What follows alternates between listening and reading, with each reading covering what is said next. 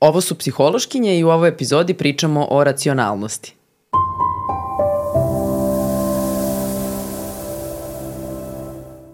Dakle, zamislimo sada jednog magarca i taj magarac je potpuno racionalan. I on je racionalan zato što kada donosi odluke ima jedan kao vrlo jasan mehanizam kako će doneti određenu odluku. Naprimer, treba da jede i njegov mehanizam ili da kažemo algoritam donošenja te odluke jeste da hrana treba da izabere onu hranu koja mu je najbliža i da kombinuje dakle tu blizinu i kvalitet te hrane. I sad zamislimo da taj magarac stoji na razmeđu mm -hmm. dva puta i na jednakoj udaljenosti od pozicija magarca su dve bale sena koje su potpuno jednakog kvaliteta sena, jednake su voće i slično i potpuno su jednako udaljene od magarca. Dakle, svi uslovi u, slučaju oba sena su potpuno izjednačeni i magarac koji je gladan treba da donese odluku kakom senu će otići da bi jeo.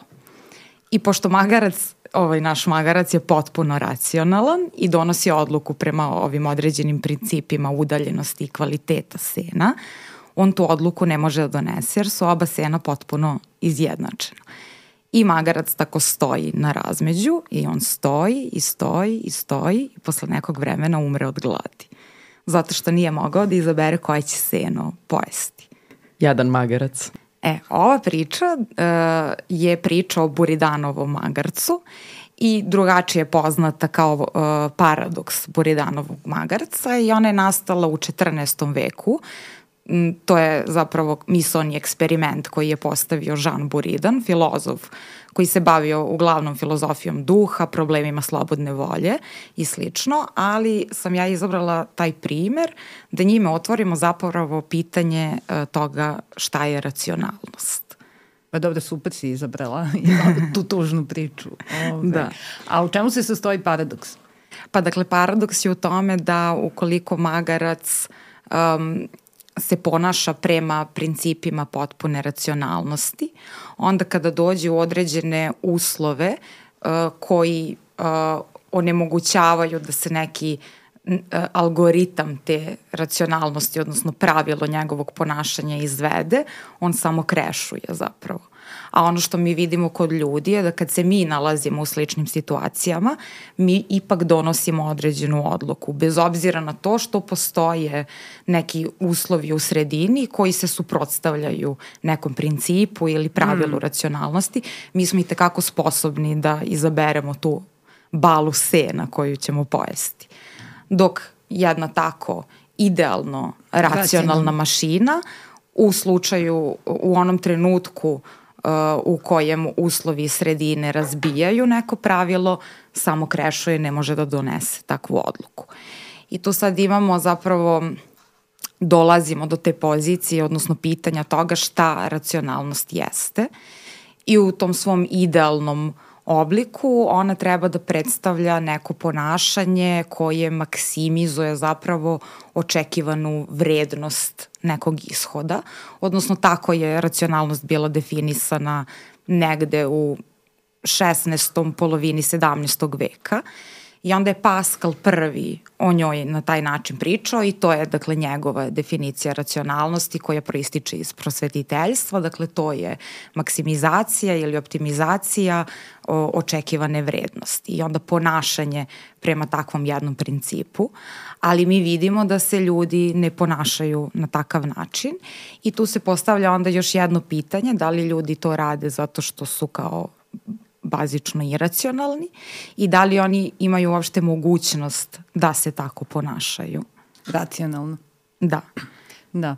Pa, uh, dakle, paradoks sa magacem je to što je on, iako je superiorno i savršeno racionalan, to njemu ne donosi nikakvu korist, a trebalo bi zato da. što je racionalnost osobina koja nas dovodi do najveće koristi, najveće dobrobiti i najveće vrednosti. Jest.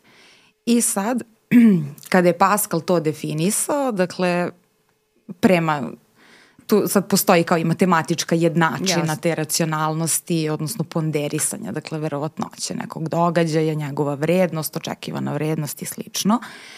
ali onda se vrlo brzo nekako kao filozofi i ljudi, odnosno eksperti, su to upropastili zato što smo videli da se oni ne ponašaju prema toj maksimizaciji očekivane vrednosti nekog ishoda i sad tu postoji jedna kao pričica koja se zove St.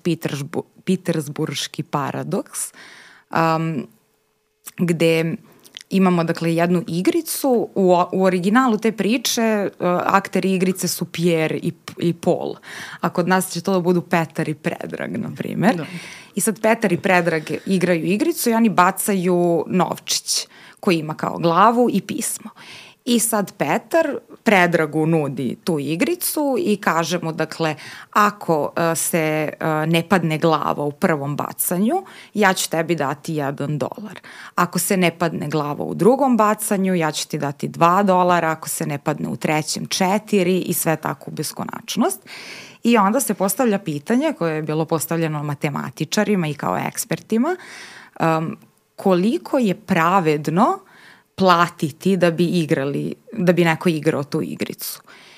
I sad prema ovoj, dakle prema tom idealu racionalnosti koji je Pascal postavio, e, to koliko je pravedno platiti za igranje te igrice e, se određuje upravo prema ovome kolika je očekivana vrednost, odnosno dobit na kraju igrice. Mm. I to sad može da ide beskonačno, beskonačno. mnogo, s obzirom na to da... Da, da, da.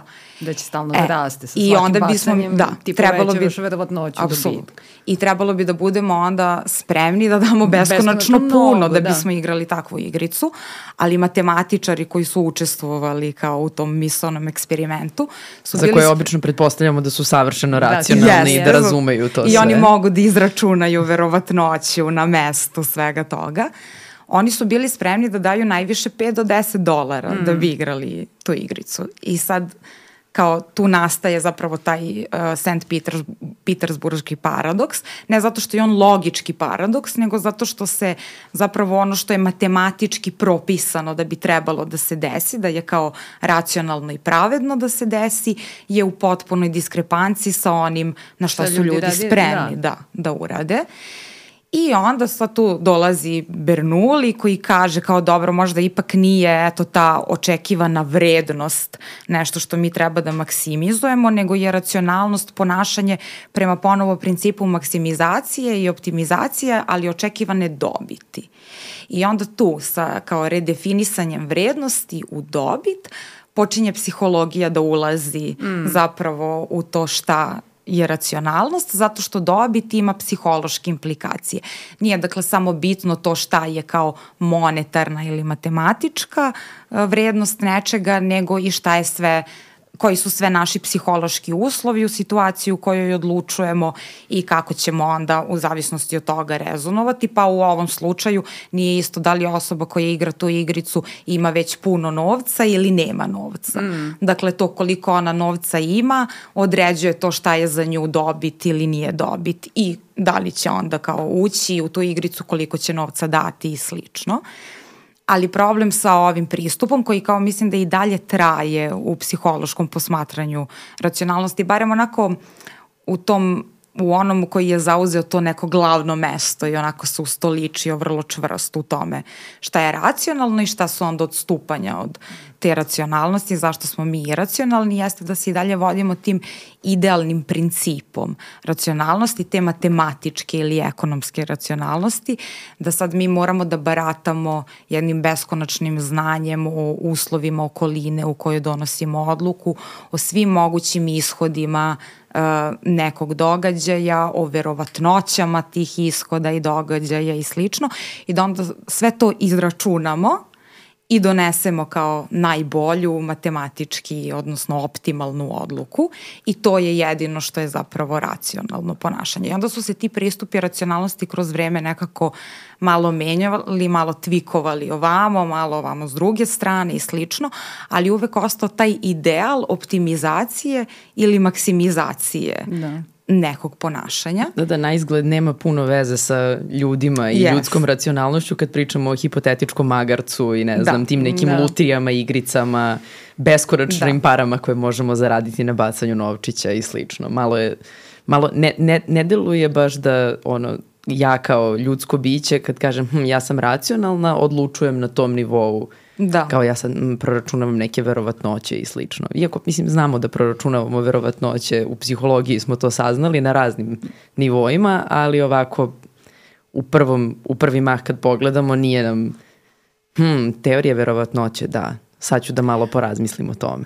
Da, pa to je, ja mislim, kao s jedne strane ovako kad razmišljam o toj temi, kao odakle odakle takvo, takvo postavljanje normi, ideala, racionalnosti, vrlo mi je jasno da smo nekako mi e, kroz istoriju pratili uh, uh, naša najveća tehnološka dostignuća i onda pravili paralelu sa čovekovim kognitivnim sistemom i onom tehnologijom koja je u tom trenutku onako kao najviše postavljena, pa je to sada i uh, u 18. 19. 20. veku, dakle bio taj neki kompjuter, neki računar i onda je kao čovekov kognitivni sistem kao računar. Zato što naravno s jedne strane smatramo da je čoveko kognitivni sistem nešto najsavršenije što mm. postoji, naravno. a sa druge strane kao ta najsavršenija tehnologija koju mi imamo, koja je jako brza i tu nešto računa i slično, to su računari i onda mora da čovekov sistem i radi na sličan način, a nekada i on bio upoređivan recimo sa kao telefonskim mrežama. Yes. Pa je simbol za da, kognitivni sistem bilo to kao on radi prema kao principu telefonske mreže. Ili u 17. veku matematika, mislim. Da, ili sa Laplasovim demonom, savršenim. Da bićem koje ima neverovatnu mogućnost beskonačnog proračuna. Da. Što prepoznaju i savremene psihološke teorije, racionalnosti i pristupi. I psihologija kad se dohvatila pitanja toga da li su ljudi racionalni i koliko su racionalni, je dosta kasno stupila na, na scenu u odnosu na to koliko, je, koliko se ljudska misao uh, i ne znam, teoretičari i mudraci od antike do, do danas, koliko su se dugo bavili pitanjem šta znači racionalnost i, i da li jesmo ili nismo, ko jeste, ko nije, pa nije ona sad dostupna baš svim kategorijama i klasama ljudi i da li treba da budemo savršeno racionalni i, i ako ćemo onako da vulgarizujemo, onda je opšti konsenzus dok psihologija nije stupila na scenu da da, možemo da budemo racionalni, postoje od, određena pravila koje treba da primenjujemo da bismo bili savršeno racionalni, baš ovako kao taj savršeni Buridanov magarac. I to mogu neki ljudi da postignu. Oni koji ne postignu savršenu racionalnost su sami krivi za sve što im sleduje. Za svaki gubitak, za svaki a, pogrešno potpisan ugovor, za svaki pogrešno uzet kredit, potpisanu polisu osiguranja, pogrešno proračunatu kamatu i ostalo, zato što je prosto trebalo samo da izračunaju verovatnoće, uslovne verovatnoće, da stave te pondere, te težinske koeficijente na određene proračune, da razumeju recimo latinski ili pravni rečnik u nekom ugovoru i generalno da poštuju ta čuvena tri stuba racionalnosti koja a, a, psihologija preuzima iz svih ovih disciplina koje su razmatrale racionalnost. I to nije, a, dakle, matematika, filozofija, teorija verovatnoće, polje veštačke inteligencije, političke nauke, filozofije sam i rekla. Ove, um, ekonomija, fizika.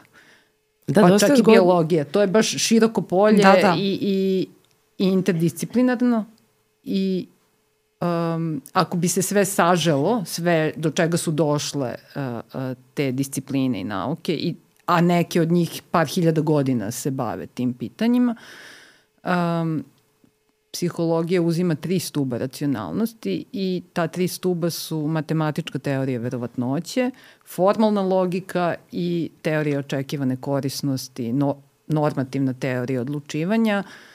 I ta tri stuba su formalno normativistički definisana ako ovo onda ono i daju neke principe racionalnog mm, racionalnog razuma, recimo tako da kažem, racionalnih kognitivnih procesa pod čime podrazumevamo kako sudimo o nečemu, da li nam se nešto dopada ili ne dopada, tu postoji način kako to ispravno da uradimo, kako zaključujemo o nečemu, kako izvodimo zaključke i kako odlučujemo. Kako donosimo odluku kad smo u nekoj dilemi, trilemi ili tako nešto. I za sve to postoje pravila koje se naslanjaju dakle na uh, verovatnoću, normativnu teoriju odlučivanja i, i logiku i prosto treba to da primenimo i bit ćemo racionalni. A nikakav problem zapravo, nikakav, nikakav problem. problem. Dosta je zgodno u 16. 17. veku da postaviš recimo teoriju verovatnoće koja je tad bila relativno cutting edge. Da, da. Uh, da, za, za, I da onda okriviš ljude da, da, da su iracionalni prosto, iako ljudi možda ne znaju da ne, čitaju. Ne pa, to je, ovaj, um, ima čitanje za one koji hoće da čitaju. Tako je, tako je. E, uh, I to psihologija uzima ta tri stuba mm. i uh, opaža neki psiholozi opažaju u eksperimentima i u svakodnevnom životu, jao kao ljudi ovo ne rade, kao ti matematičari koji su radili skandal, uh, skandal, skandal uh, paradoks Sankt Petersburg i, i generalno, i to je sredina 20. veka, generalno provejava kroz te radove uh, iskreno, iskreno čuđenje kako majku mu ljudi ne rade po tim pravilima, a i to ne bilo koji ljudi, nego obično neki učenjaci, akademici, doktori nauka, Pa dobro, Muška, Bernulijevi nisu sigurno imali kontakt sa drugima. Oni nisu, ali, ali, ali kao pričamo o, o sredini 20. veka. E, i, I ti prvi radovi, ne znam, Aleo paradoks ili, ili 20 godina kasnije Ellsbergov paradoks su svi na, na nivou neverovatno, neverovatno ljudi uh, ne proračunavaju verovatnoće i neko može da ih prevari recimo kad se kockaju. I, e, i to je ono što su paradoksi u filozofiji ili u tim normativističkim teorijama ili, ili što predstavljaju čuđenja ljudi koji se ne bave psihologijom jeste uh, suštinsko polje onoga čime se psihologija bavi kad razmatra racionalnost, sve što je ljudsko nije nam strano, da ljudi greše i, i greše uh, E, odstupaju i od logike i od verovatnoće i od normativne teorije odlučivanja i to, to počinju počinjemo da istražujemo. Mislim, ne mi lično, nego neki naši psihološki preci pre 70 da. godina. I, i e, šta je jedna od, možda, možda sad skačemo napred, ali glavna, glavni nalaz tih prvih istraživanja, ogromna je tu empirija, baš je ubedljiva mm. i bogata, jeste da ne samo što nismo racionalni, e, nego kada nismo racionalni i kada ne postupamo po pravilima formalne logike, normativne teorije odlučivanja i matematičke teorije verovatnoće, više neću ponavljati. Sveto trojstvo. Sveto trojstvo. uh, ne postupamo, kada odstupamo od tih normi, odstupamo svi na veoma sličan način. Dakle, svi ljudi, svi pripadnici naše vrste od, odstupaju na isti način i ono što je za nauku baš važno, naročito empirijsku nauku, na predvidljiv način. Dakle, mi kada postavimo neki zadatak, možemo sa visokom verovatnoćom da pretpostavimo šta ćemo svi mi odgovoriti, nas tri i svi koji, ne znam, slušaju ovo ili generalno prosečan čovek kako će da skrene levo od Albuquerquea kada radi neki Pa i ne samo prosečan zadatak. čovek, na isti e, način će da ti da, ono jest. na, odskoči od toga mm. i akademik jest, i ono jest. prodavačica u Maksiju jest, i svi, baš, jest, jest, to nam je baš super. zajedničko. To nam je baš zajedničko i to je onda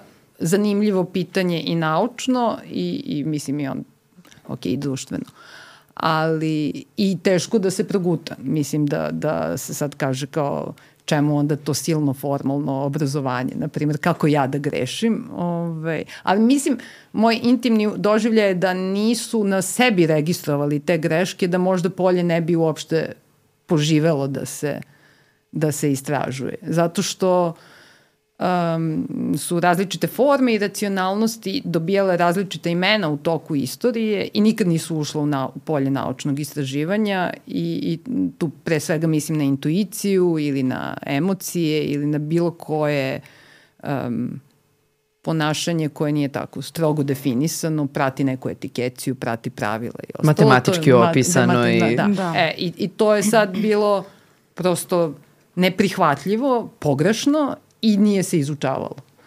I, i onda uh, je zato ovaj nalaz da svi grešimo na isti način bio sna, strašno značajan zato što biće da imamo i neki sistem pored da kapaciteta da budemo racionalni, postoji nešto uređeno što nas vodi u našem umu da se ponašamo i na drugi način, da odstupamo od uh, od I da ovih ne, normi. I da ne umiremo kao da magarac svaki put kad da. stanemo ispred frižidera. Da to ima neku onda, onda neki teoretičari kažu pa da, to ima i, nije to bez veze, imamo, ima to adaptivnu vrednost. Ne, nema smisla da budemo savršeno racionalni i to isto ima imena u psihologiji. Je prvo ime e, koje su ti oblici ponašanja dobili, sad kad kažemo to je mnogo abstraktno, ali oblici ponašanja, dakle, mogućnost da budemo i racionalni i da budemo iracionalni ili da ne budemo savršeno racionalni i da ceo taj paket našeg umnog funkcionisanja nas sasvim dobro služi je imenovao Simon sintagmom ograničena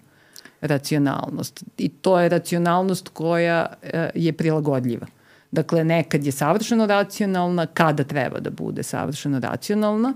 Naravno da i tu grešimo, ali, ali nije uvek i, i ne treba ni da bude uvek. To je baš važna isto poruka.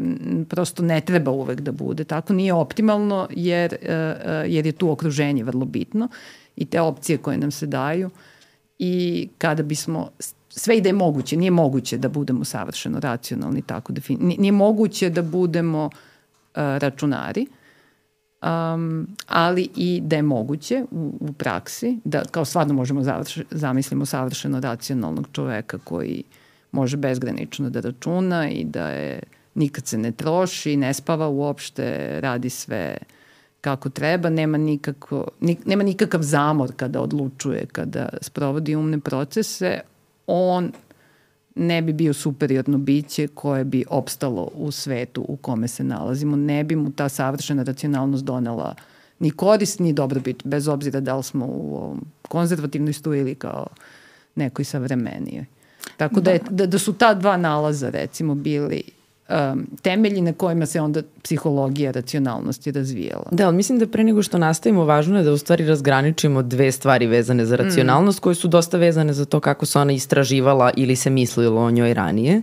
Jer kao sad mi pričamo o tome kako da, to je zajedničko svim ljudima, a mi ne idemo, to ne padamo pred frižiderom jer ne možemo da odaberemo, da, da. ne udaramo se u zidove, ono, jer ne znamo šta ćemo i gde ćemo. Mislim, kada se priča o racionalnosti, uvek deluje da je to neki ono, mučeni čovek koji ne može da se ono sastavi sa da, da. sobom da. i stalno negde greši, a mi to ne vidimo oko sebe. To nije situacija, mm. ok, dešava se u određenim situacijama da ispliva nešto što mi možemo da percipiramo kao iracionalno, ali u smislu ovih donošenja odluka i nečeto mi možemo da donesemo odluku, da obrazložimo svoju odluku i to je u stvari važno da se ono jedna stvar u istraživanjima posebno ovih kognitivnih fenomena je da u stvari mi kada to istražujemo, mi guramo ljude u situacije gde su oni u nekom, rade, funkcionišu na nekom ekstremu, kao kad uzmete mm. auto i onda ga koristite onako malte nekako nije namenjen da bude Tako. korišćen i onda tu auto može da se pokvari, ne znam, ili da ne radi kako treba ili da krene unazad, otkud sad znam više.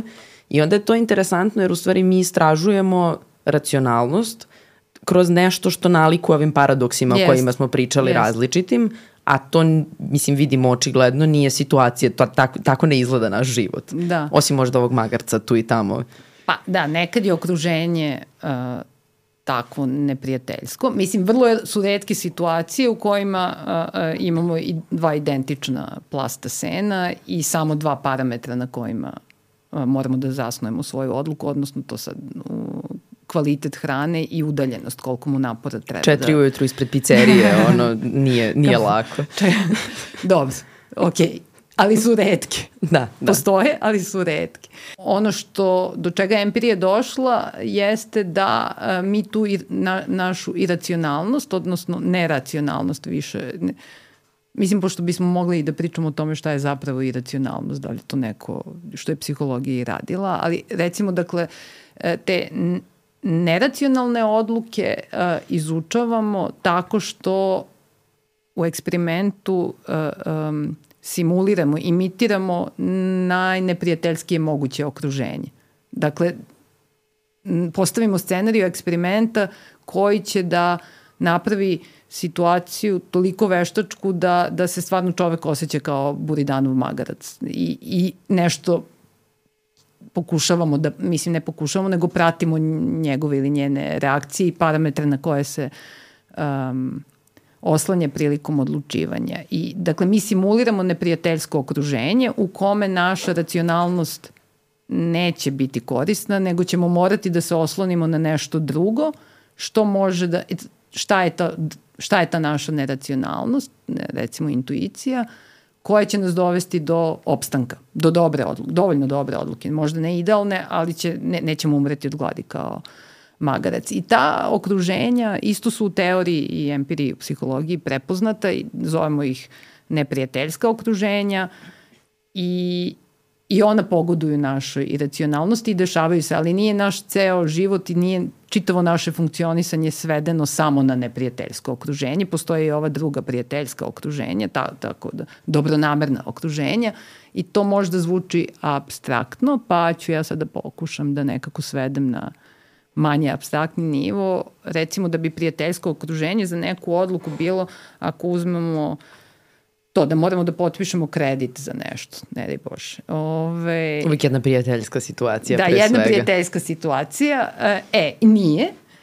A, jer ljudi tu potpisuju brdo papira, a, informacije koje dobijaju um, su napisane ajde sitnim slovima, to je ono što je kolokvijalno popularno, ali, ali na komplikovan način, oslanjajući se na proračune, na matematiku, na kamate na neke užasno komplikovane tabele. Mislim, komplikovane ako, ako ne radiš, ako ti to nije posao i ne gledaš svakodnevno ono matrice, ove, to je dosta zbunjujuća jedna situacija i to bi bilo neprijateljsko okruženje i stvari koje, onda može i službenik banke da bude uh, uh, taj koji ti objašnjava nešto šta te zanima, ali ti ni ne znaš u tom momentu šta te sve zanima, šta sve može da se desi, prosto se ne setiš to nisu, ogromne su odluke, velika je uključenost u njih i to je neprijateljsko okruženje. A prijateljsko okruženje za istu takvu odluku bi bilo da uh,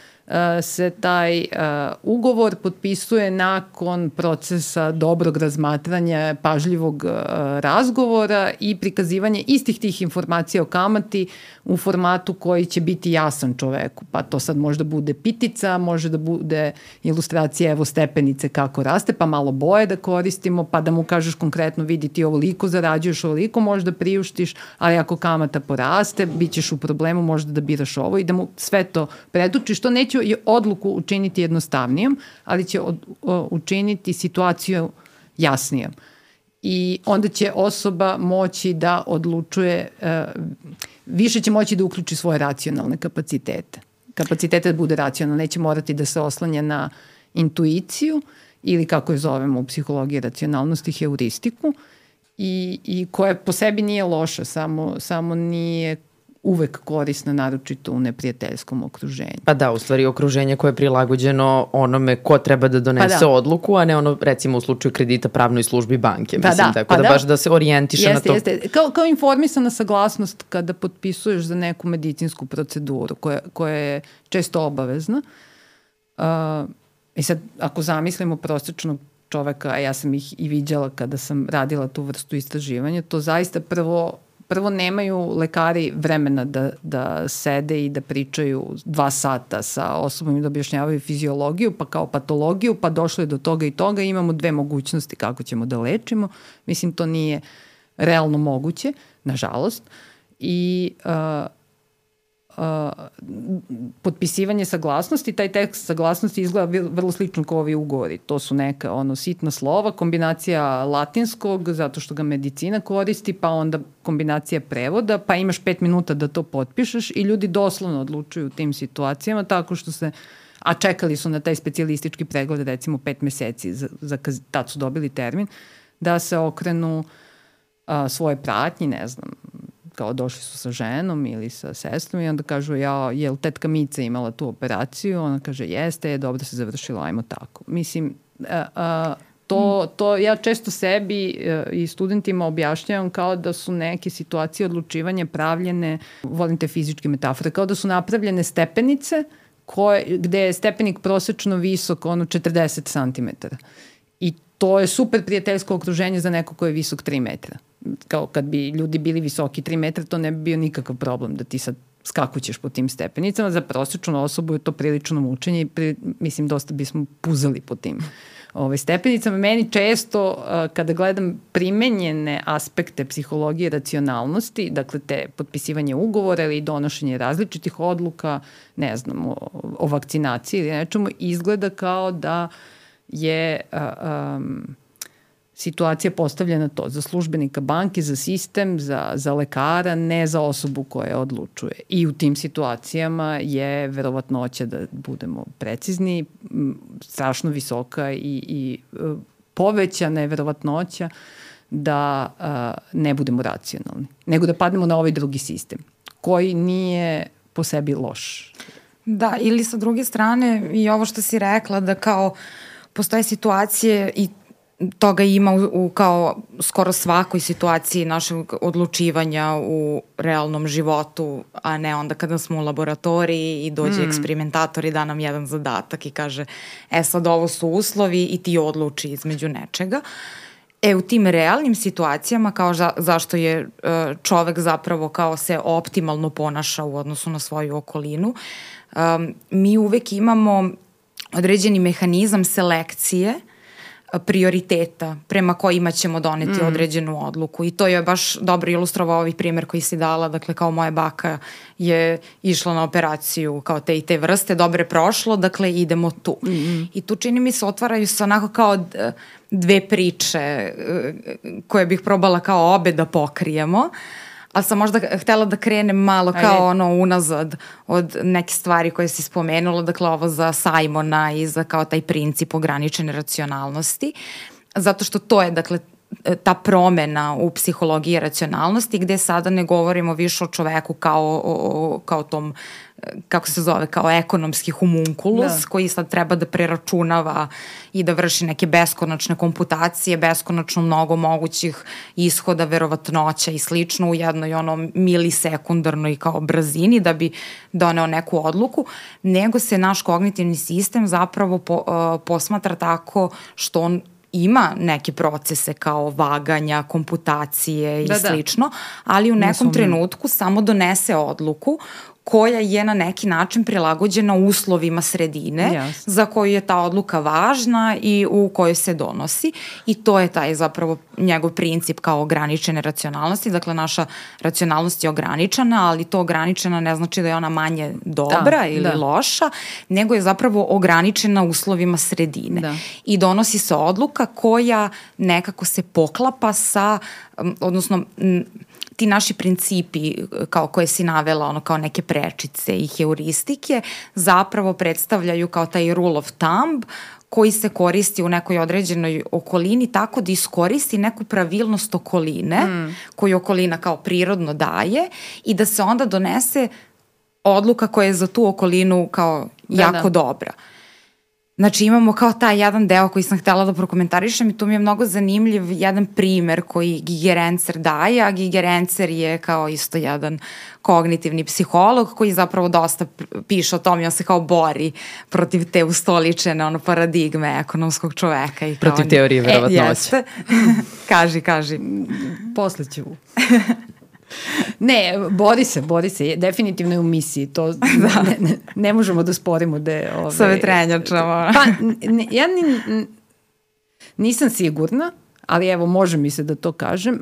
Um, on nije, dakle, naj, naj, ubedljivo najpopularnija imena u oblasti mm. uh, psihološkog izučavanja racionalnosti ovakve racionalnosti o kojoj mi pričamo su Kahneman i Tversky. I to da, sad da. verovatno svi znaju Čak i Kahneman malo više možda. pa zato što je duže živeo. Pa da. da ali, um, ali dobro, ajde, možemo neki drugi put da pričamo. Nije... Um, Nije on otvorio, mislim Tverski je krenuo, ali su baš dobre ove kombinacije. Ali ako se sad još malo vratimo u istoriju psihologije, nisu oni svakako prvi, se, sa, samo što nisu u toj liniji psihologije. Mislim, o, o iracionalnosti su pričali, pričao je Freud o tome, nije to nešto što je a, a, potpuno nepoznato. A, a, pričali su Beck i Ellis kada su pričali o, o m, terapijskim intervencijama, kako da se postigne uh, racionalnost. Dobro, ako pričali je su i stojici kao... Ne, ne, pričali su, ne, ne, pričam samo baš o, jesu, ali kažem, u okviru psihologije nisu Kahneman i Tversky prvi dohvatili uh, racionalnost čak nisu ni zaslužni za, za nazive Sistem 1 i Sistem 2, što svi mm. uh, misle da jesu, iako najotvorenije kažu da nisu, da je to Vejson dao nazive 74.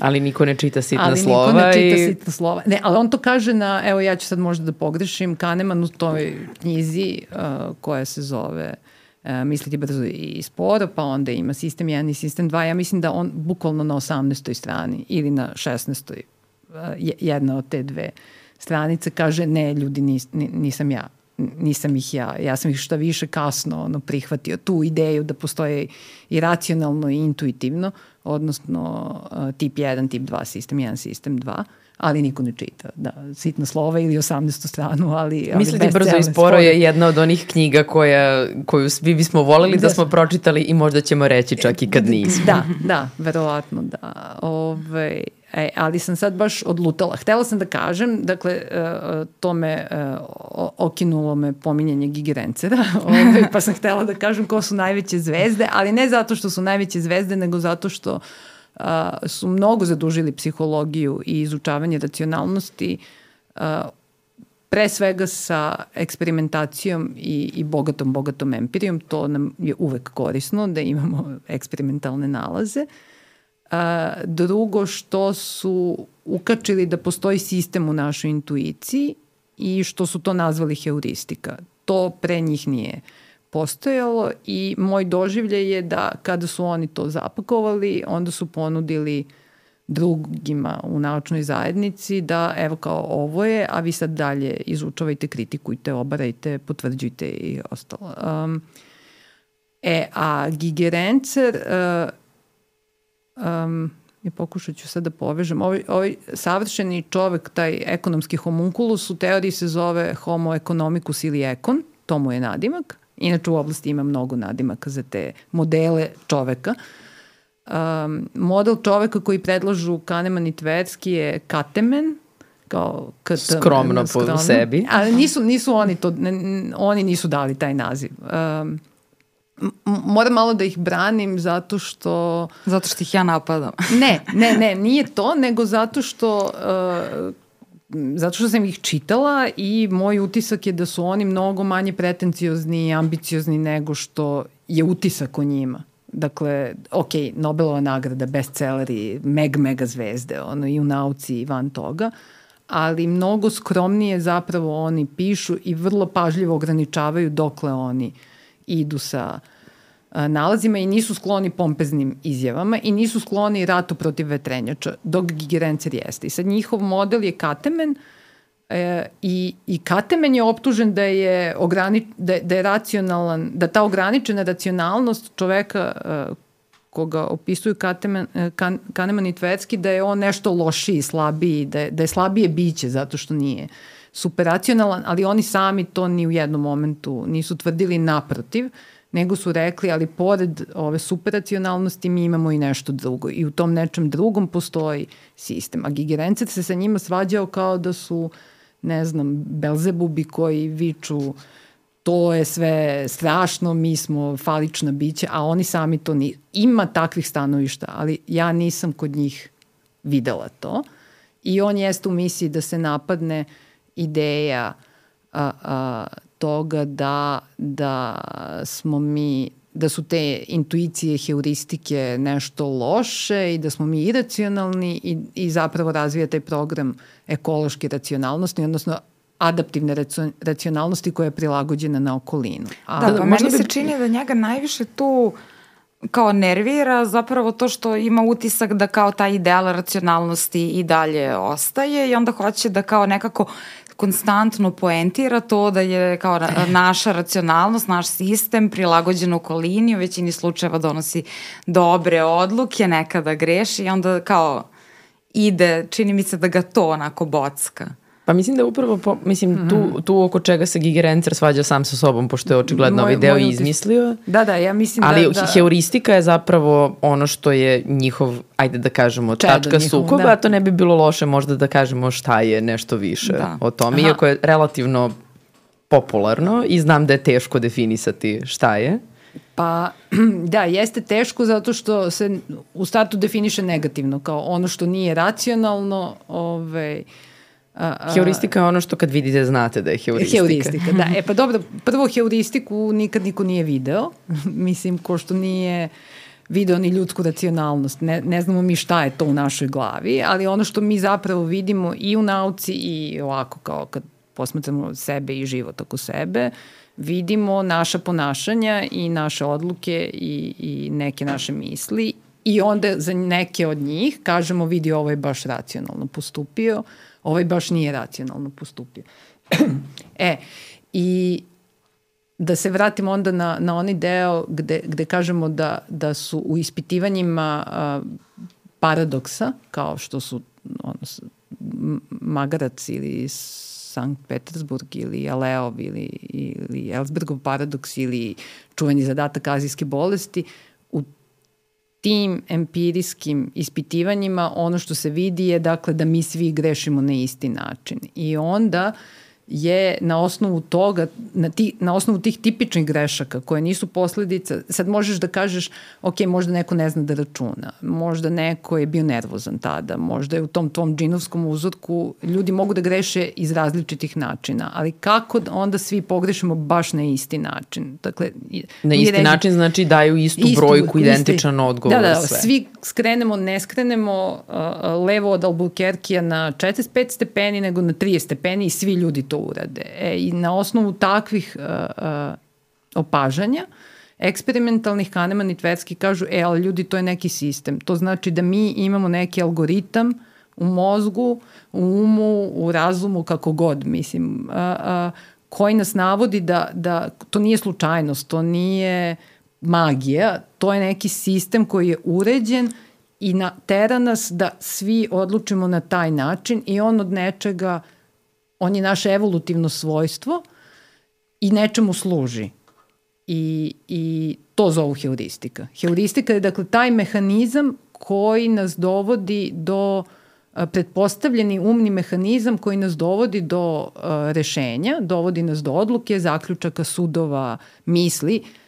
Prosto uh, jeste misalni proces neki, algoritamski je, ali ne funkcioniše po onome što smo mi definisali ranije kao tvrdu normu racionalnosti, ali funkcionišu po nekim pravilima, nekim ljudskim pravilima koja nisu nasumične i imaju smisla u datom okruženju. I to oni prvi kažu, dakle nije, oni nisu osuđujući po po pitanju heuristike šta više, kao ovo je malo čudo da, da, da smo da. uspeli to da izolujemo. To bi se verovatno pre 400 godina zvalo, ne znam, da, da ne preteram, ali kao ne, nekim veštičarenjem i pa mogli bismo spalimo nekog zato što, zato što postupa na, na način koji nije normativan. Mislim, da, to je jedan od kao čestih mitova, ono da e, heuristika je određena e, nekom greškom, a Aha, zapravo nije. nije. Nije, Heuristika je baš ovo što si rekla, dakle ta neka isto ne, neki algoritam, e, neki proces odlučivanja koji uh, ima svoju evolutivnu svrhu i svi ga koristimo i svi, svi radimo, radimo. to.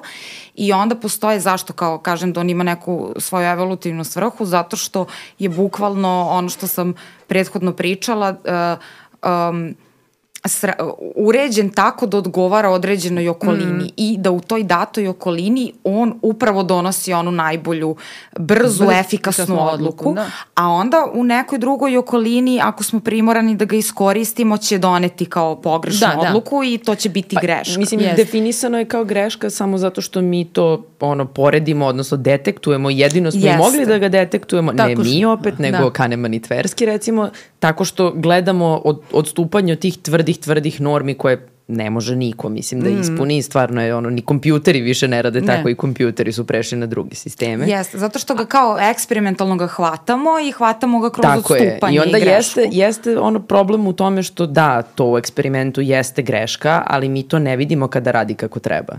E, da, pa baš sam zato kao htela, mislim, zašto sam spomenula Gigerencera, zato što volim njegove da primere. Da, i da ti iznerviram, da bi ti sad pričala o Kanemanu i Tverskom, pošto njih nisam žela da spomenem. Šalim se, naravno, apsolutno. Ali on ima dobre primere kao ima, tih ima, situacija super. u kojima kao vidimo kao heuristika, ali možda ne bismo ovako sad kad pričamo o tome rekli to je heuristika, nego bismo rekli to je ono kao super ekspertsko ponašanje kao, i zato je kao, kao tako vrhunsko. kad pas hvata frizbi, kad vrhunski teniser hvata lopticu, e, bejsbol jeste, baš sam htela takve lopticu. primere. Da, to su I, njegovi primeri. Jeste. Hoćeš da ispričaš? Da, neki? hoću jedan koji mm. mi je mm. kao mnogo bio zanimljiv. Uh, Um, znači imamo sad kao tu ponovo jednu misalnu situaciju, evo su sad psihološki misalni eksperimenti. E, dakle, imamo tu misalnu situaciju, imamo ne, kao dva tima naučnika i sad uh, oba tima treba naprave robota koji treba zapravo da, mislim šta je svrha uh, tog robota, robot treba da uhvati lopticu koja je bačena. Dobro. Dakle, to kao sad napravi robota, optimizuje ga tako da on može da uhvati lopticu. I sad jedan tim robota je ovaj kao tim koji pravite stare, e, koji prati stare matematičke principe racionalnosti, verovatnoće, mm. izračunjavanja svega i svačega, a drugi tim je tim kao ograničene racionalnosti. I sad ovaj prvi tim... Već se nervira. Da. Dobro. Pa svideće ti se, ja mislim, right. na kraju, možda i neće, Ajmo. ali... I sad, taj prvi tim, dakle, on pravi robota mm. prema matematičkim principima i sad šta je bitno da bi loptica mogla da se uhvati, pošto loptica kad se baca, ona ima uh, putanju parabole, yes. dakle, u robota mora da se implementira cela ono porodica parabole, znanje o tome i sve to i mora onda kada je u pitanju situacija bacanja loptice, pored toga što mora da zna sve o parabolama, on mora da ima neki mehanizam merenja distance sa koje je loptica bačena, odnosno udaljenosti od njega, mora tu da ima uračunatu brzinu kojom Brzinu, je loptica bačena, vetra, jeste, da. i ugao pod kojim je bačena. Kako to izgleda i svakog ugla gde se je, robot yes. nalazi u odnosu da. na lopticu. I onda sad kao pored toga, pošto znači mora sve to da ima, ali kao sad u stvarnom svetu mi imamo i otpor vazduha, imamo brzinu vetra i kad vetar udari onda loptica ne leti po paraboli, nego će da ode negde onako malo pravo, malo levo, malo desno, e onda sad mora da ima i mehanizam za izračunavanje, dakle otpornosti vazduha, vetra, brzine vetra i sve to. I da u svakoj tački kao kretanja loptice. Taj robot može da izračuna brzinu vetra, da ponovo sad ima tu interakcija svih ovih faktora i sve to, pa onda još i spin loptice kad se uračuna kojim ona ide i tako dalje. Da, mogu još malo fizičkih ovih I svakako, dakle, to mora bude jedan kao prosto toliko sposoban mm. robot koji će onda kao sve to izračunati, dotrčati do mesta, da bi znao na koje mesto će kao loptica Ali pasti. Ali znači bilo kako. Dotrčati, do, ba dobro, mm. to nećemo sad kao, okay. znači recimo može da trči, to su uspeli mm. da naprave. Dobro. Dakle, ceo taj princip trčanja. Da, da. Znači ovo je samo bitno da kao to zna. Dobro. Dotrči do mesta i uhvati onda lopticu. Mm. A sad ovaj drugi tim kao ograničene racionalnosti, kako on pravi robota, on uzme prvo i gleda šta eksperti rade. A u ovom slučaju su eksperti, znači onda neka bude neki bejsbol igrač koji će da hvata tu lopticu, on je ekspert i gledaju njega kako se on ponaša i prema tome kako se on ponaša, oni modeluju šta robot treba da radi. I sad šta je u tom slučaju ključno? Ključno je samo da robot zapravo onda kada se loptica baci. Da ima fiksiran pogled ugla. Da Jest. drži ugla. A, ali sad si upropastila Izvini. priču, znači moram kao e, od Čekajte, početka do kraja ja imam ovde svoje izvođenje i molim te. Čekajte, vi meni hoćete da kažete da bejsbol igrači ne, ne, ne računaju izvini. jednačine da, dakle, i brzinu vetra. Jeste. Izvini. I sad taj kao tim Da. Malo se stidim sad. Dobro, znamo sad rešenje, ali ja ću dalje ispričati. A ispričaj, ispričaj. Robot ono proceni kao otprilike grubo kao u kom pravcu ide loptica i onda kreće da trči i bitno je samo da je kao njegov pogled, odnosno pravac kao njegovog pogleda i uh, uh, koji to pravi sa uglom pod mm. kojim lopta pada, da je sve vreme konstantan dok on trči. I on podešava svoju brzinu tako da čim loptica počinje brže da pada, on brže trči, sve vreme zapravo drži glavu otprilike isto i istom tom konstantnom uglu. I šta je zapravo tu taj prirodni zakon okoline, to je da ako su loptica i pogled uvek pod konstantnim uglom, u nekom trenutku će doći do sudara loptice i glave mm. kao osobe koja trči do nje. I to je to, dakle, prirodno okruženje, a naš heuristik je zapravo da mi samo počnemo da trčimo i odmah držimo glavu u tom konstantnom uglu i u nekom trenutku uhvatimo lopticu, ne moramo da preračunavamo stvari. E, to je zapravo, dakle, heuristik, dakle, taj. Da, da, da. Pa da, heuristike su to čitavo telo i ljudsko telo, bez obzira da li sad ovi prave robote, uh, i baš se suzdržavam da im ne kritiku.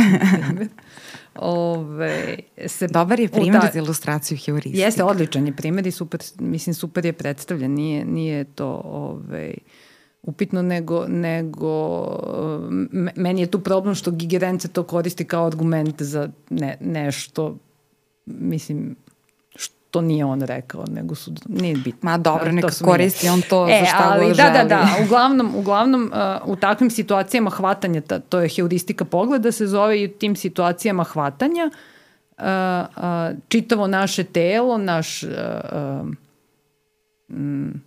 uh, biološki organizam, mislim, bez koga ne postoji. Dakle, kognitivni sistem prestaje da postoji u momentu kad prestane da postoji ovaj, telo, uh, uh, odnosno mozak i, i se ponaša kao da zna čitav taj sistem ono, komplikovanih diferencijalnih jednačina, nevjerovatno yes. brzino, brzinom ga proračunava i super je precizno a, a, uhvatio a, lopticu i a, po mom sećanju heuristik, heuristika pogleda je a, a, primećena tako što su kamericu stavili na glavu psa i gledali kako hvata frizbi i videli da je ta slika konstantna na ovaj, kamerici. To je neka anegdota kako se uočila. Mi, mi tih heuristika imamo strašno mnogo u repertoaru našem, ono fizičkog i psihičkog ponašanja i, i dobar je primer, slažem se, ja bih naglasila u tom primeru ovaj deo da, da se telo ponaša kao da radi sve te mm. jednačine, jer da vrati malo lopticu kod, uh, kod Vejsona Kahneman Tverskog Simona i, i svih koji su došli pre uh, koji su omogućili Gigerencerov nastup ove, um, je da, da ta heuristika ima sistem, da je uređena ne, ne, ne postoji, da, da kažemo, racionalno objašnjenje da a, pretpostavimo da se to samo nekako desilo da se telo postavi baš kako treba i baš je počelo da trči kako treba i baš je uhvatilo lopticu i držalo konstantan pogled, eto tako, zato što mi to imamo u repertoaru bez ikakvog objašnjenja. E, objašnjenje u stvari u stvari na objašnjenje tog mehanizma upućuju Kahneman i Tversky i kažu treba raspakovati taj mehanizam. Ni, ne, ne može on biti magija. Ne, ne može to tek tako da se desi, da, da hvatamo, on postoji, oni ga mapiraju da postoji, heuristik, recimo heuristika pogleda, ali uh, ono rogobatni termin koji se koristi je da je to neki inkapsulirani algoritam. Dakle, to jeste nužno algoritamsko uh, mišljenje, ima svoje korake, ima svoje pravila, ima svoje stepene slobode i ograničenja, ali mi još nismo uspeli da ga opišemo. Dok smo ovaj racionalni deo, ovaj tip 2, ovaj proračunski um, opisali odavno, zato što smo opisali, to je svaki zadatak u testu inteligencije. Ovako Verova. transparentno, pa da, merljivo. Da, i zato što smo imali znanje o, o matematičkoj teoriji verovatnoće. Obećala sam da neću, ali evo me, matematičkoj teoriji verovatnoće, formalnoj logici i normativnoj teoriji odlučivanja. Dakle, mi smo znali da ti proračuni dovode do nekih dobrih rešenja i onda smo poredili da li naše misli mogu to da izvedu i da li dovode do nekih rešenja. I to nije... Um, nije iznenađujuće. Ove, a, a ovaj drugi deo gde postoji nešto što hvata lopticu, što rešava i ima svoja pravila ogra, og, i, i og, to, stepene slobode i granične uslove u kojima deluje, to ono se još uvek raskopava u naučnom smislu dok mi govorimo i počelo je pre pa, ono sa Kanemanom i Tveckim jeste Gigerencer je baš naglasio taj uticaj okoline to je baš lep doprinos i važno da je ta um, a, a, adaptivnost heuristike ili intuicije, da je to svojstvo čoveka koje je nastalo evolucijom da ne bismo non stop bili taj mučeni magarac koji tako. Mislim da ne bismo bili ona osoba koja svaku dnevnu odluku donosi tako što ono stavi na papir za i protiv i ostalo mi dnevno donesemo ono na hiljade odluka od sitnih do krupih, ne bismo delali, ne bismo živeli da, da svaku odluku donosimo proračunski. Pa mislim, mi proračuna, e, mislim, uslovno rečeno proračunavamo, da. ali samo u stvari imamo gomilu iskustva oko Jest. nas. Mi jesmo zapravo, mi nismo eksperti za teoriju verovatnoća, nismo, ali nismo. mi smo eksperti za svoju okolinu, Jesmo. naučili smo šta se tu dešava, uhvatili smo neke pravilnosti i onda u tom da. smislu mi ne možda u pravom smislu proračunavamo, ali mi operišemo sa svojim nekim znanjima, iskustvima, stvarima koje su evolutivno prosto mm. tu koje baš, smo baš naučili. To, baš to super. Operišemo da. kao, kao kad dete... Kao iskustvene mašine. Da, ali, ali to koje je... kao znaju pravilnosti, po ali ne moramo da znamo i da ih objasnimo. Yes. Pa kao dete kada, kada kapira, evo možemo sad opet lopticom onda da se bavimo, kad bacimo lopticu u vis, dete nema pojma šta je gravitacija, ali zna da će loptica da padne dole. Mislim, prepoznaje principe fizičkog funkcionisanja bez obzira što nema pojma šta je gravitacija u tom momentu ili, ili padeže kad počnemo da usvajamo, ako sam dobro to zapamtila u fazi holofraze, kad, kad se razvija jezik, ovaj, dete zna pa, da upotrebljava padeške konstrukcije ispravno, ono dobrih 7-8 godina pre nego što u školi čuje za koncept padeža a, i da imamo sedam padeža u našem jeziku i koji su, ali ih koristimo. Mislim, mi, naš um se baždari na, na, na našu okolinu, okolinu na ono što je... I, i na verovatnoće, operiše verovatnoćama i sad tu, ne znam, Gigerencet, na primjer, tvrdi da se baždarimo da smo podešeni na, na apsolutne verovatnoće, odnosno na frekvence koliko se nešto često ovaj, javlja, to će nam biti dostupnije umu, brže će se oblikovati, napravit će mentalnu predstavu i la. Pa dobro, naše ne, iskustvo nema ono nešto čime možemo da, podeliti pa da bude verovatnoće. Da, da, a ne da budu uslovne ono bajesovske verovatnoće, to mu je recimo jedan od uh, um, argumenta, ali da, da, on, on baš dobro naglašava tu adaptivnost, meni se, taj deo mi se sviđa kod njega, mislim generalno on super piše i stvarno super je što si ga pomenula zato što, zato što je dobra preporuka ljudima ako hoće da čitaju nešto iz ove oblasti, ovaj, on je pored, pored uh, misliti brzo i sporo ili šuma, ono, dobar izbor. Uh, uh, ali je, me, meni se sviđa što um, kad se izađe iz uskog polja psihologije racionalnosti, čini mi se da je sa njegovom misijom heuristika malo manje osuđena i kao malo manje smatrana lošom, što ponovo nije došlo od Kahnemana i Tvetskog, nego je tako nekako ovaj, prihvaćeno. I Gigerencet svog čoveka, svog modela, on jeste nazvao svog čoveka, on voli da daje nazive, nije, nije stidljiv. Ove, nije, nije stidljiv naučnik ni malo, ove, on ga naziva uh, homo heuristicus. Dakle, put bi bio u psihologiji racionalnosti od homo economicusa, ovog savršenog čoveka koga smo preuzeli iz, iz drugih nauka, koji ne greši i, i Ove, I onda kad se opazilo u empiriji da je on pogrešio, onda je to šokiralo sve osim psihologa i onda nastaje ograničena racionalnost i katemen i onda homo heuristicus gigerencerov i danas ti dominantni dualni procesi zapravo, da, zapravo koji zanimljivo, se ispituju tip 1 i tip 2. To, zanimljivo sa heuristikom zapravo je to što ono, ona, to sad ponavljamo verovatno stoti puta, ali Ako? ona nama omogućava da funkcionišemo. Mm.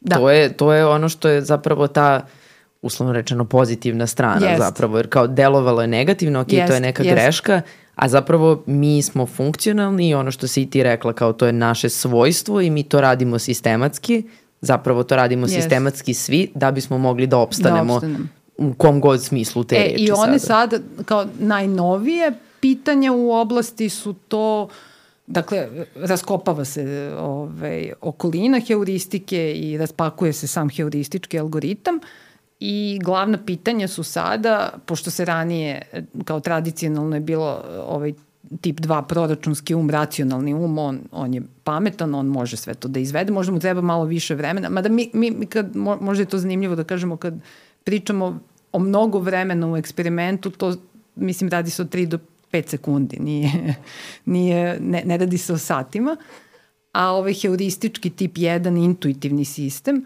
uh, on je brži, na, uh, ali to nije jedina razlika i ne mora uvek da bude brži, ali kao može i da pogreši. Veća verovatnoća pogreši ako mu okruženje nije adekvatno, a nije mu adekvatno zato što mi u eksperimentu napravimo da ne bude adekvatno. Baš se, ono, imamo deset pravila kako da napravimo neprijateljsko odlučenje, okruženje za našu, bukvalno i, ih imamo i ako ih primenimo, možemo da nateramo čoveka, mislim, u eksperimentu da bude intuitivan, a ne uh, racionalan.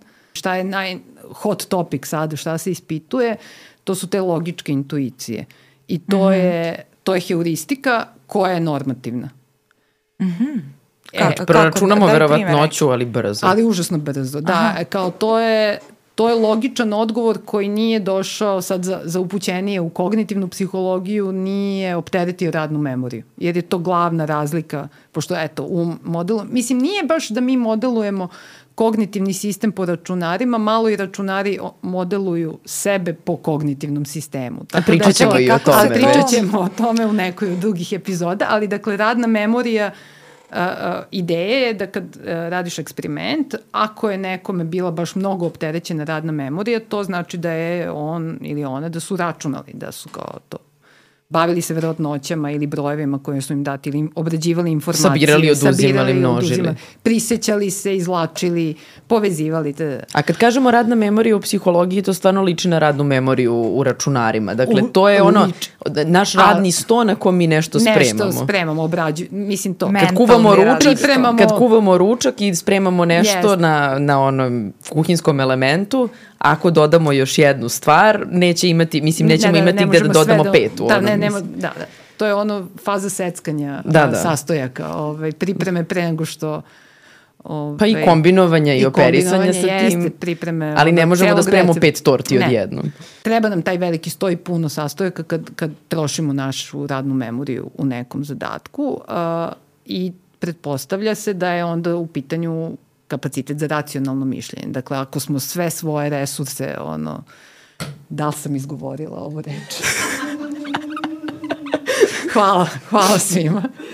Ovaj, upregnemo u to da... Uh, uh, Samo, da, aha, ništa, ništa, ajde. da rešimo taj umne napore, ono, baš se trudimo i, i uh, da, da rešimo taj zadatak, onda nam je opterećena radna memorija i verovatno smo u sistemu 2 a, i verovatno ćemo doći do dobrog recepta, dobrog jela, dobrog rešenja.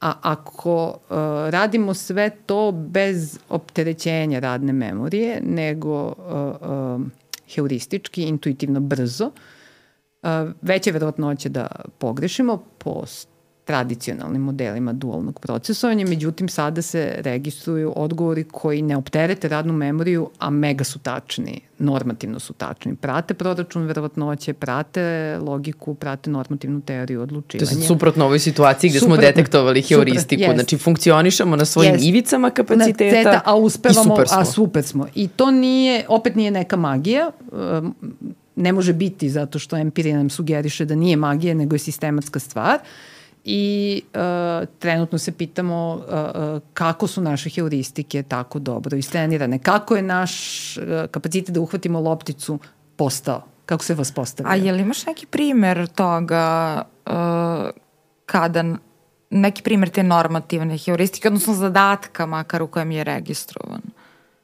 Može baš i jeftin primer da se pozovemo na ovaj uh, knjigu, mm -hmm. ovaj, šta pije krava, I onda kad se postavi niz, niz tih dečijih pitalica, naš, Ovi, um, kad se postavi eh, niz tih dečijih pitalica koje boje oblak, koje boje frižider, koje boje sneg, šta pije krava, ljudi kažu mleko. I, mm -hmm. uh, i to, kao, mi to zovemo primovanje ili, ili što je naš šef nama terao nas da govorimo kao ajde reci krv, krv, krv, krv, pa ponavljaj i onda kao mi ponavljamo, on kao još, još i onda na koje svetlo prelaziš ulicu mi svi ispalimo crvenu. On, iako i imaš bag u tom momentu kao um ti zna ne, ne, ne, ne, ali, ali, ali je ovaj, e, nekako jezik brži. Brži jezik od pameti. Pameti, da.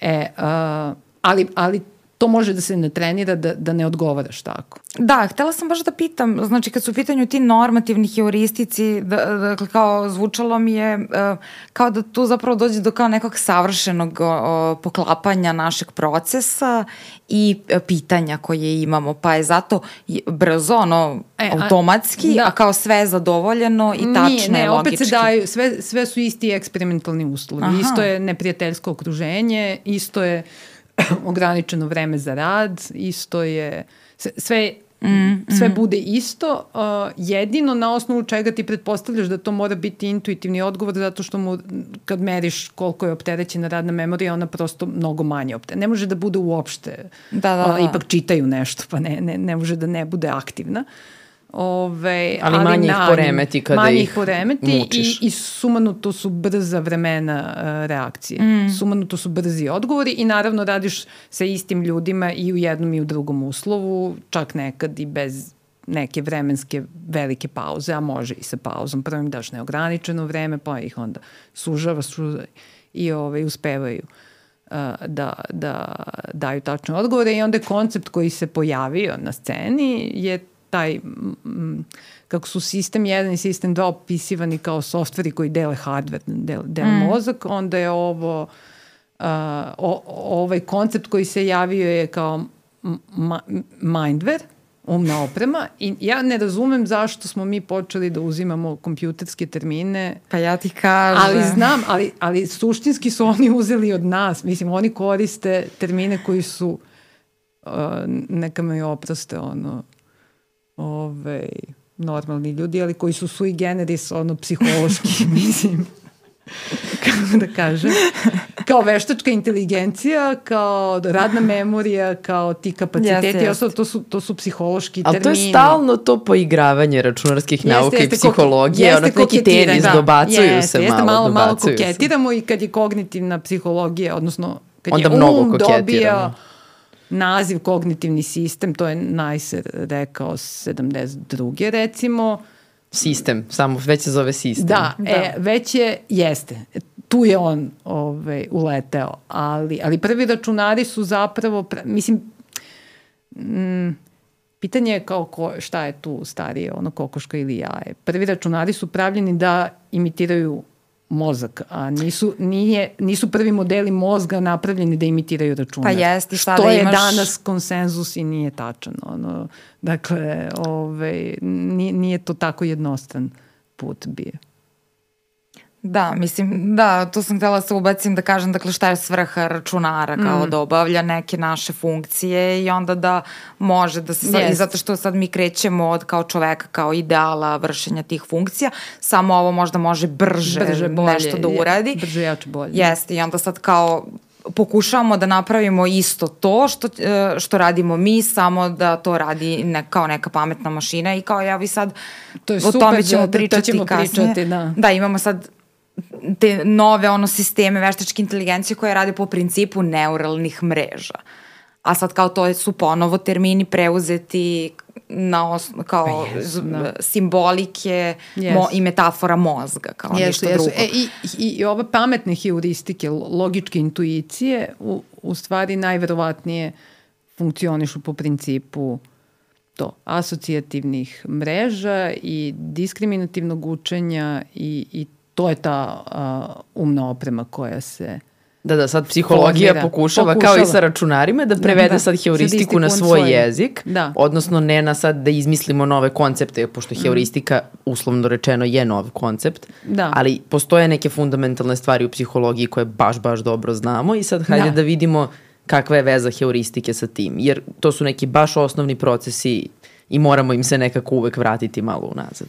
E, jeste, da, tu, bi, tu bih nas i vratila, mm -hmm. kao možda bih to evo, ovako uradila, znači da sumiramo kad su u pitanju heuristike, meni se čini, a neka mi ispravi ovde ova svevišnja, ukoliko to nije tako, šalim se naravno. Dobro, dakle, čini mi se da kod heuristike je kao tu ono što je nekako dosta bitno jeste to da mi imamo jedan neki najvažniji parametar na osnovu ko, kroz koji se vrši taj proces. Yes. i kao onda su, je usmereno na to, a ne na milion yes, nekih nema, stvari nema koje treba da se da. Ne mogu da te ispravim, žao e, Naravno. E, I baš sam, to se nekako vraćamo i na ovo što si pričala prethodno, da kao ljudi kada odlučuju u stvarnim uslovima odlučivanja, mm. mi uvek imamo neki selekcioni mehanizam i neku stvar za koju se uhvatimo koja nam bude važna, pa onda na osnovu nje donesemo odluku, umesto da sad promatramo da, da. u nedogled. Svu silu prosto, da. informacija da. koje imamo i nisu nam sve važne, zaista e, nisu. I čini mi se da i kao kod heuristike, iako to jeste zapravo taj proces, baš kao što si rekla, koji samo mi još nismo još uvek opisali onako kako smo mm. opisali ove normativne pa da. delove, ali mi tu imamo proces samo što je kao tu važna jedna ono stvar i to me nekako podsjeća na nešto što sad dolazi iz druge discipline u psihologiji, ali mislim da je jako paralelno ovome u, kod psihologije racionalnosti i posebno pojma heuristike i to dolazi sad kao ono verovali ili ne uh, iz zapravo neuronauka, neuropsihologije i kao ispitivanja ličnosti, jel?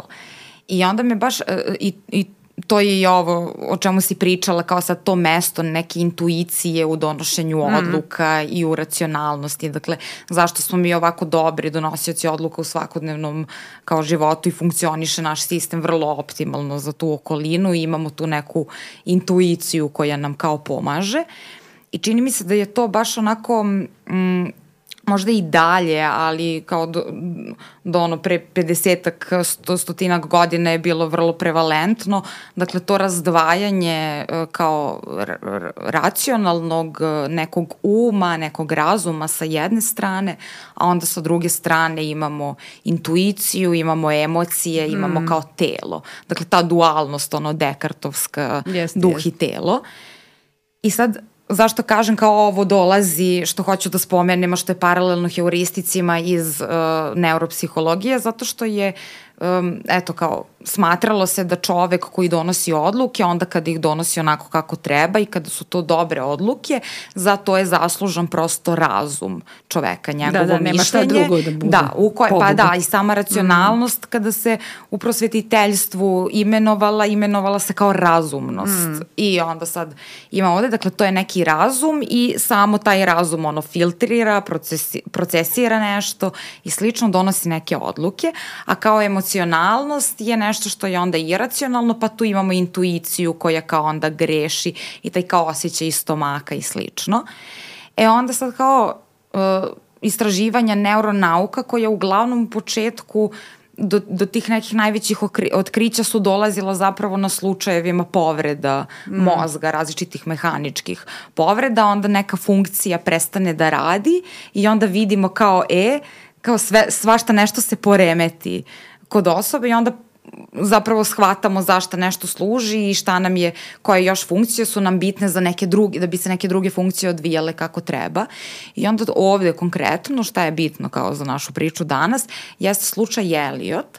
Elliot je bio Damasijov pacijent, Damasio je jedan kognitivni uh, neuronaučnik, psiholog, ili je možda psihijatar, ali mislim da je psiholog.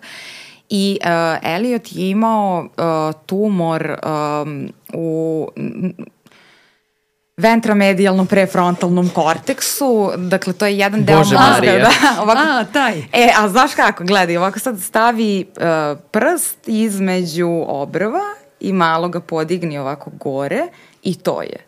Tu znači je. negde oko centimetar iznad obrva. Prefrontalni korteks, da. jeste, to je u kao frontalnom uh, režnju, znači ovaj kao čeoni Tako režanj. reći napred u mozgu. Da, e, napred u mozgu, dakle ovako malo ono donji deo čela. Uh, A što nam je taj režanj važan? Ajde, e, da, on, već... da, baš sam to, mislim, onako sam htjela da, baš i to da spomenem. Možda Dobro. dakle, ona mi je važna. Kao što uvek. da. Pa da, da. da. Ok. E, izvini, ali ti si spomenula sistem 1 i sistem 2 i samo je to... Dobro. Kao što, da, ajde, ajde. Um, pre, um, on reguliše uh, zapravo uh, emocije, ispoljavanje emocija, čak ima i neke funkcije u pažnji, u memoriji, ali uglavnom kao najveći deo njegovog funkcionisanja je vezan zapravo za regulaciju emocija, doživljavanje emocija i njihovo ispolja, ispoljavanje, pa i kao inhibicija sama emocionalnog odgovora. I sad Elliot je imao tumor na tom mestu i onda su lekari to izvadili i zajedno sa kao tumorom izvadili jedan deo uh, korteksa i um, sad šta se sa njim desilo, njemu su sve kao bitne kognitivne funkcije u smislu pažnja, memorija, čak kao inteligencija, sve to bilo vrlo očuvano, ali Elliot više nije mogao da donosi odluke.